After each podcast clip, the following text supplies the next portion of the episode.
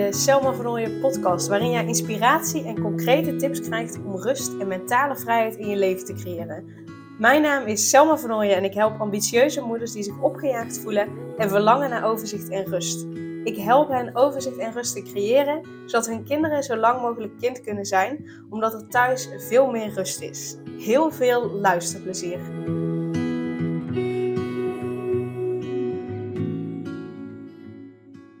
Hey, welkom bij deze speciale aflevering. Welkom bij de honderdste aflevering van de Selma van Ooyen podcast. En ik dacht, ja, wat zal ik eens in de honderdste aflevering vertellen? Dat moet toch wel iets speciaals zijn? Ik moet toch wel iets speciaals melden of een speciale actie doen? Of het moet in ieder geval heel speciaal zijn. Nou, en ik kon niks bedenken. Dus um, ik stelde het maar uit en ik stelde het maar uit en ik stelde het maar uit. Totdat ik dacht, ja, Selma, practice what you preach. Want wat je nu doet, is het super mega groot maken.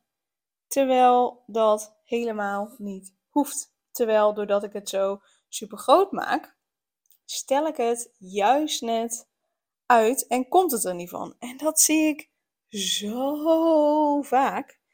Dat zie ik zo vaak bij mensen die bijvoorbeeld een bedrijf willen starten. Ze maken het zo groot, waardoor ze helemaal niets doen uiteindelijk. Of mensen die van doelgroep willen veranderen. Ze maken het zo groot, waardoor ze het uiteindelijk niet doen en door blijven gaan met uh, waar ze mee bezig zijn. Mensen die een andere baan willen, maar ze maken het zo groot, waardoor ze het niet meer durven. Of uh, ambitieuze moeders die het zo groot maken, die, die de opvoeding super groot maken, of die, um, ja, die, die vinden dat ze alles zo perfect moeten doen, waardoor ze juist net zichzelf voorbij rennen, zichzelf vergeten. Um, en toen dacht ik, ja, jeetje, wauw, oké, ik doe precies dat waarvan ik hoop dat de ambitieuze moeders dat niet meer doen, zodat ze gewoon vanuit relaxedheid er kunnen zijn voor hun kinderen. Dus ik dacht, never mind. Ik start gewoon de opname en ik zie wel wat er uit mijn mond komt. Dus bij deze, misschien wordt het wel een hele belabberde aflevering. Misschien wel juist net helemaal niet. Um, maar ik wil je dit dus meegeven dat ik dit dus ook doe. En uh, ik daar ook nog steeds uh, lerende in ben. Hè? Het, dingen niet zo groot maken. Want hoe, hoe komt het dat we bepaalde stappen niet zetten? Doordat we de dingen zo groot maken, ze zo groot voelen. Maar juist als je ze kleiner maakt, door gewoon de eerste stap te zetten. En in mijn geval nu is de eerste stap zetten gewoon op record drukken en uh, gaan praten. En dan zie ik wel wat eruit komt. En is het helemaal niks, ja, dan gooi ik het wel gewoon weg. En is het wel iets, dan is het maar goed dat ik het heb opgenomen. Want anders zou het zonde zijn van mijn tijd. En zonde zijn van mijn energie. Um, dus ja. Dus oké, de boodschap. Zet gewoon die eerste stap. Wat is het wat jij graag wil? Wat is het wat jij zo super groot hebt gemaakt? Is dat dat je graag je, je dromen en verlangens wilt realiseren? Uh, maar dat je je uh, misschien schuldig voelt of dat je uh, ja, vindt dat je dat niet zou mogen omdat je kinderen op de eerste plaats komen. Of, of wil je een andere baan of wil je een eigen bedrijf starten of, of wil je, weet ik veel, uh, een sport gaan doen die je al heel lang niet hebt gedaan, die je vroeger deed, wat je vroeger super leuk vond. Uh, uh, maar nu het een te grote stap vindt om je daar weer voor aan te melden of zo. Ik noem maar iets als voorbeeld. Hè? Maar wat is het wat jij zo groot hebt gemaakt? En misschien is het wel iets heel anders, een hobby starten, I don't know. Wat is het dat jij zo groot hebt gemaakt dat je je eigenlijk bevriest en die stap niet meer zet? Wat is dat voor jou? En welke kleine stap kun je zetten om daar wat dichter bij in de buurt te komen. En misschien is dat wel, hè, als we het hebben over uh, die hobby die je misschien heel graag wil starten, waarvan je denkt, ja, maar daar heb ik superveel geld voor nodig, of daar heb ik heel veel tijd voor nodig, of weet ik veel wat. Misschien kun je eens beginnen met gewoon opzoeken wat je nodig hebt om daarmee te beginnen. of de sport, of op zoek gaan naar een, een, een opleiding die je zou willen doen. zonder je nog verder aan te melden, hè, maar een opleiding opzoeken. Of Ehm, dat je gaat kijken, oké, welke functies zijn er die mij leuk lijken? Of dat je geen idee hebt, ga, ga je eens oriënteren op een loopbaancoach bijvoorbeeld. Zonder je te hoeven aanmerken, aan te melden. Maar dat je, dat je op zoek gaat naar een loopbaancoach die je kan helpen om je kwaliteiten in beeld te brengen. Zodat je veel beter kunt gaan zoeken naar een functie die daadwerkelijk bij je past, bijvoorbeeld. Of zoek eens op uh, wat je ervoor nodig hebt om je bedrijf te starten. Of hè, zoek het gewoon eens op. Zet eens de eerste stap. Doe, doe het eerste ding. Je zal zien dat dan al de inspiratie veel meer gaat stromen. Dat merk je nu ook bij mij. Ik, ben ik, ben, ik heb de podcast aangezet. Ik had geen idee waar ik het over heb. En uiteindelijk kom ik toch, denk ik, ik weet niet of dat voor jou ook zo is, uh, met iets waardevols om je in mee te nemen. In ieder geval met inspiratie. Door gewoon echt te vertellen waar ik tegenaan loop en dan de vertaalslag te maken naar, nou, wat heeft mijn luisteraar eraan? Dus ga eerst eens kijken gewoon naar die allereerste stap. Ga eerst eens informatie verzamelen.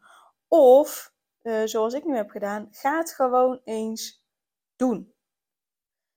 Ga het gewoon eens doen. En wat dat doen voor jou ook mag betekenen. Uh, um, mailtjes aan voor een proefles. Hè? Als je, als je uh, een sport wil of zo, of je wil een hobby en je wil daar lessen in volgen, mailtjes aan voor die proefles. En dan, je zit nog helemaal nergens aan vast. Je kunt nog altijd nee zeggen. Of ga het gesprek met je partner aan van hey, uh, ik zit totaal niet meer lekker in mijn vel op, op, mijn, ja, op mijn werk. Uh, wat zouden we daaraan kunnen doen? Wat, wat, wat zijn de mogelijkheden? Wat zijn financieel de mogelijkheden? wat zijn misschien ook wel de onmogelijkheden? Of in ieder geval, wat denk je dat nu de onmogelijkheden zijn? Dus ga dat gesprek met je partner eens aan. Uh, want ik neem aan dat je, dat je samen bent met je partner en dat je, ja, dat je van elkaar wil dat je gelukkig bent. En um, ja, leg maar eens uit bijvoorbeeld dat je niet gelukkig bent op de plek waar je nu zit. Uh, begin daarin is met de eerste stap. En dan niet alleen maar vertellen dat er iets is, maar ook echt oprecht de vraag stellen: welke mogelijkheden zijn er voor ons, zodat ik andere keuzes kan maken en veel beter in mijn vel kan zitten. Want als ik lekker in mijn vel zit, gaat het veel beter met onze kinderen. Ook dat mag je benoemen, want ik neem aan dat je met je partner kinderen hebt gekregen uh, en, en, en dat jullie alle twee superveel van jullie kinderen houden, toch? En dat jullie alle twee het beste willen voor je kinderen. En als je het beste wil voor je kinderen, heb je ook als volwassene, als ouder zijnde, het beste voor jezelf um, te regelen. Dus, dus ga eens kijken wat die allereerste stap is wat die allereerste stap kan zijn en zet die allereerste stap. En dat hoeft niet meteen te zijn je baan op te zeggen of je inschrijft bij de Kamer van Koophandel of uh, je meteen aan te melden voor een heel jaar bij die sport of je meteen aan te melden voor een heel jaar bij die hobby of dat je meteen alle onderdelen die je nodig hebt van je hobby die aan te schaffen. Dat is allemaal niet nodig. Begin gewoon eens klein. En zet, net zoals ik, gewoon eens de, de opname aan. Druk op record. En start. En zie maar waar het schip strandt. En uh, dat jij nu A hebt gezegd, betekent niet dat je over een week of over twee weken geen B meer mag zeggen. Dat je, dat je dan niet A los mag laten. Nee, helemaal niet. Het mooie, oh echt serieus, het mooie aan dit leven is dat we een keuze hebben. Het mooie is dat, dat, dat zeker in deze tijd, dat we een keuze hebben. Ik, ik ben nu de serie Bridgerton aan het kijken. Ik weet niet of je dat kent op Netflix. Je dat al gekeken hebt. Ik vind het echt een heerlijk film. Ik hou... Uh, film. Uh, serie. Ik, ik hou van, van series, films waarin je um, een bepaalde liefdesrelatie op ziet bloeien. En dat is bij deze ook, in ieder geval in seizoen 1. Ik hou daarvan. En uh, ja, weet ik veel in welke, welke eeuw ze leven. Maar in ieder geval in een eeuw waar je, niet meer, waar je nog niet heel veel keuze had. Waarbij je als je uh, ja, zeg maar hoog in rang was geboren, je aan bepaalde regels moest voldoen. Met een, een welgestelde man moest trouwen als vrouw zijnde. Um, uh, dat soort dingen. En dat als je al seks had voor het huwelijk, nou dan, dan was dat een schandaal. En dan, uh, ja, zal je niet echt meer trouwen met, in ieder geval met een, met een voor hun idee fatsoenlijke man. Dus destijds had je heel weinig keuze. Kun je nagaan hoe het nu is? Kun je nagaan hoeveel keuze je hebt? En uh, als je het gevoel hebt dat je dat niet hebt, dan komt dat omdat je jezelf daarin echt gewoon beperkt. Omdat je jezelf mentaal daarin beperkt.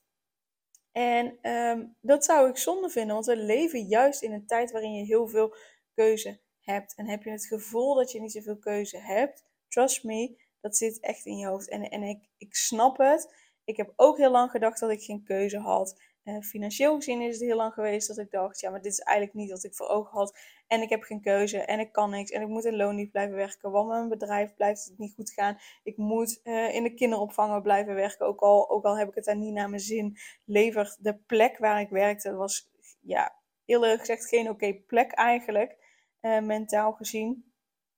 Um, de, ja, dat ik het gevoel had dat ik daar moest blijven, omdat ik geen keuze had, omdat we het geld nodig hadden.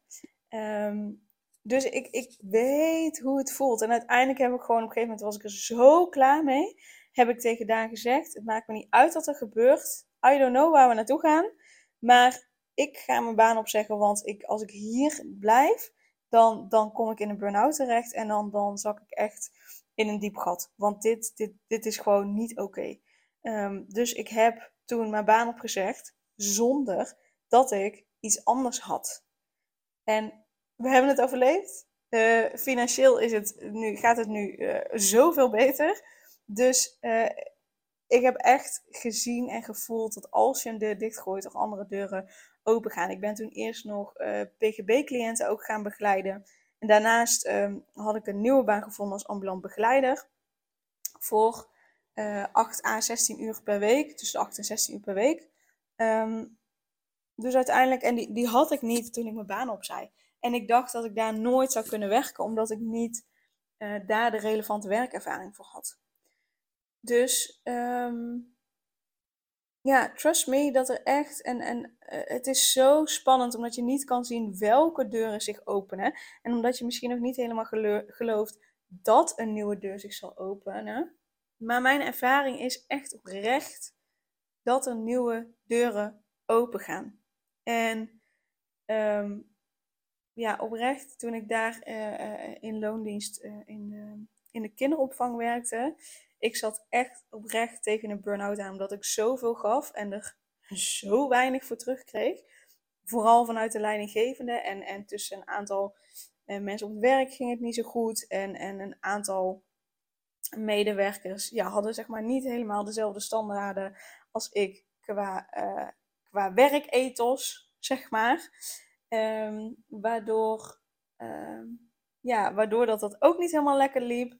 En uh, um, ja, waardoor sommige ouders dan bijvoorbeeld gingen klagen tegen mij of tegen andere collega's die wel gewoon goed hun best deden. Van ja, maar die en die, die zie ik nooit echt. Die zie ik alleen maar op de schoolplein met elkaar praten. En uh, niet echt aandacht besteden aan de kinderen. En nou ja, heel gedoe in ieder geval. Dus heel veel gegeven, weinig qua waardering of zo teruggekregen van uh, de leidinggevende. Dus ja, dus ik liep op, echt oprecht tegen een burn-out aan. Het ging echt niet goed. En zelfs toen, uh, um, ik had een contract voor, weet ik veel, acht uur of zo, maar ik werkte veel meer. We gingen toen een huis kopen. En uh, om dat huis te kunnen kopen was het veel gunstiger als ik natuurlijk meer uren op contract had staan. Dus ik had dat al een paar keer gevraagd. Het was mij ook toegezegd dat ik meer uren op contract zou krijgen. En op een gegeven moment heb ik een gesprek aangevraagd met de leidinggevende. Om te zeggen van ja, hallo, uh, wanneer gaat dat nou komen? En toen heeft ze tegen mij gezegd. Nou, en dat was echt. Dat ik het daarna nog vol heb gehouden, vind ik echt bizar. Maar uh, toen zei ze tegen mij: Ja, ja, het is niet netjes dat ik dit steeds uitstel, maar ik ga je nu niet meer uren op contract geven. Want uh, ik ben bang dat jij om gaat vallen. Dus zij had al aan mij gezien dat het niet goed met mij ging, mentaal gezien. En zegt, ik, ik ben bang dat je om gaat vallen. En uh, ja, ik kan dat dan nu niet bij hebben, want er zijn al meer mensen uh, zitten in de ziektewet. En ja, ik moet eigenlijk dat percentage naar beneden brengen. Maar ja, als jij dan ook nog in de ziektewet komt, dan moet jij ook voor zoveel uren betalen. Nou, wauw! En toen had ik zo fucking veel gegeven. Niet normaal. Nou, ik heb het juridisch loket ingeschakeld en gekeken van, ja, volgens mij klopt het niet, want ik werk standaard deze uren. Dus ook als ik in de ziektewet beland, moet zij mij die uren betalen. dus uiteindelijk heb ik wel die uren op contract gekregen. En heeft ze ook gezegd dat dat niet oké was wat ze had gedaan. maar goed, ja, dat, dat vertrouwen, die relatie was zo beschaamd, beschaad. Ehm, en ik heb het daarna nog even volgehouden. En op een gegeven moment, ja, heel veel veranderde niet per se. Of in ieder geval verbeterde niet per se. Maar uh, uh, het heeft me wel geholpen om samen met Daan het huis te kunnen kopen waar we nu in wonen. Dus daar ben ik dan wel dankbaar voor. Maar een aantal maanden nadat we hier woonden, was de maat echt vol. En heb ik mijn ontslag ingediend. En heb ik een ontslagbrief geschreven en naar haar verstuurd. omdat ik er helemaal klaar mee was. Dus toen hadden wij ons koophuis. En toen heb ik mijn baan opgezegd. Uh, niet wetende van oké, financieel gezien, hoe, hoe gaan we dat regelen? En uiteraard, ik had een uitwerkperiode van uh, twee maanden. En alles is goed gekomen. Dus in, ik had natuurlijk nog twee maanden de tijd om, om eventueel een nieuwe baan te vinden. Of eventueel nou, die PGB te regelen. Nou, dat had ik allemaal geregeld. ik had twee vaste PGB-adressen, één tijdelijke. En daarnaast had ik dan dus die, die baan in loondienst. Dat begon eerst met alleen maar één keer in de twee weken op zaterdag. En daarna werd dat langzaam ietsjes uitgebreid. Maar het grootste deel van de tijd was dat ja, acht uur in de twee weken. Dus dat was ook niet super veel. En uiteindelijk is het uitgebreid. En daarna heb ik uiteindelijk gewoon mijn baan opgezegd. Sorry, ik had de podcast even op stil gezet omdat het bel ging. Uh, want ik heb lunch besteld bij Sis Lungerij. Uh, maar die zouden eigenlijk pas over een half uur nog komen. En ik dacht, dan heb ik zat tijd om een podcast op te nemen. Maar ze zijn, nou ja, eerder. Um, Sis Lungerij hebben ze echt super lekkere broodjes, by the way. Dus als je in Tilburg woont, Sis Lungerij, bestel daar lekker broodjes. Um, en Daan die is een paar dagen weg geweest, dus die komt nu thuis. En dacht ik, oh, dan kunnen we lekker daar lunch bestellen. Uh, maar goed, dat is zijde. Uh, maar die baan in loondienst hebben ze ook opgezegd. Nou, dat. Uh, ik ben even de draad van mijn kwijt. Maar in ieder geval, waar het uiteindelijk mee begon is... Maak het alsjeblieft jezelf niet moeilijk. Gun het jezelf alsjeblieft om het niet moeilijk te maken. want ik kan me voorstellen, hè, als jij je, je kind ziet en je kind maakt iets, iets super groot... waardoor hij of zij het niet, niet durft, het niet doet uh, daardoor niet doet wat hij of zij het liefste wil of het leukste vindt, ja, dan zou je toch ook willen dat ze het kleiner zouden maken, zodat het behapbaar is, zodat ze um, ja, de stappen durven te zetten die ze graag willen zetten. Lijkt me. Toch? Goed, ik denk dat ik hem hier gewoon mee af ga sluiten. Um, ja, de honderdste aflevering. Uh, ik, ik, hoop dat er nog minimaal honderd meer mogen volgen. Uh, dat gaat zeker goed komen uh, met vijf dagen in de week podcasten. Nou, deze week is natuurlijk, zijn het er zes. Want aanstaande maandag komt ehm, de volgende aflevering online en dat is een interview. En ik wilde niet dat mijn honderdste aflevering een interview met iemand anders zou zijn. Dus vandaar dat, dat ik er nu eentje extra voor je heb. Dus dat je er deze week zes hebt om naar te luisteren. Ehm, en ik zou het super leuk vinden voor deze honderdste aflevering als je me laat weten wat je van de podcast vindt. Als je me laat weten welke inzichten je uit de podcast tot nu toe hebt gehaald. Want de 100 afleveringen zijn natuurlijk superveel. Dus stuur me een mail of stuur een DM op Instagram.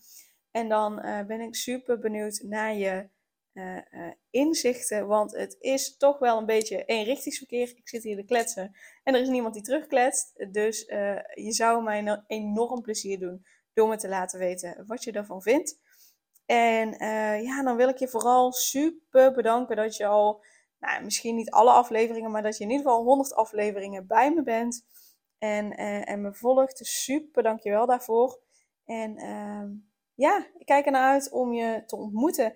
En mocht er iemand zijn waarvan je denkt, hey, daarvoor is deze podcast relevant, mag je uiteraard doorsturen uh, de podcast. Uh, deel het met zoveel mogelijk mensen, zodat we samen voor kunnen zorgen dat uh, de kinderen in Nederland zo lang mogelijk kind kunnen zijn. En dankjewel voor het luisteren en ik wens je een hele fijne dag.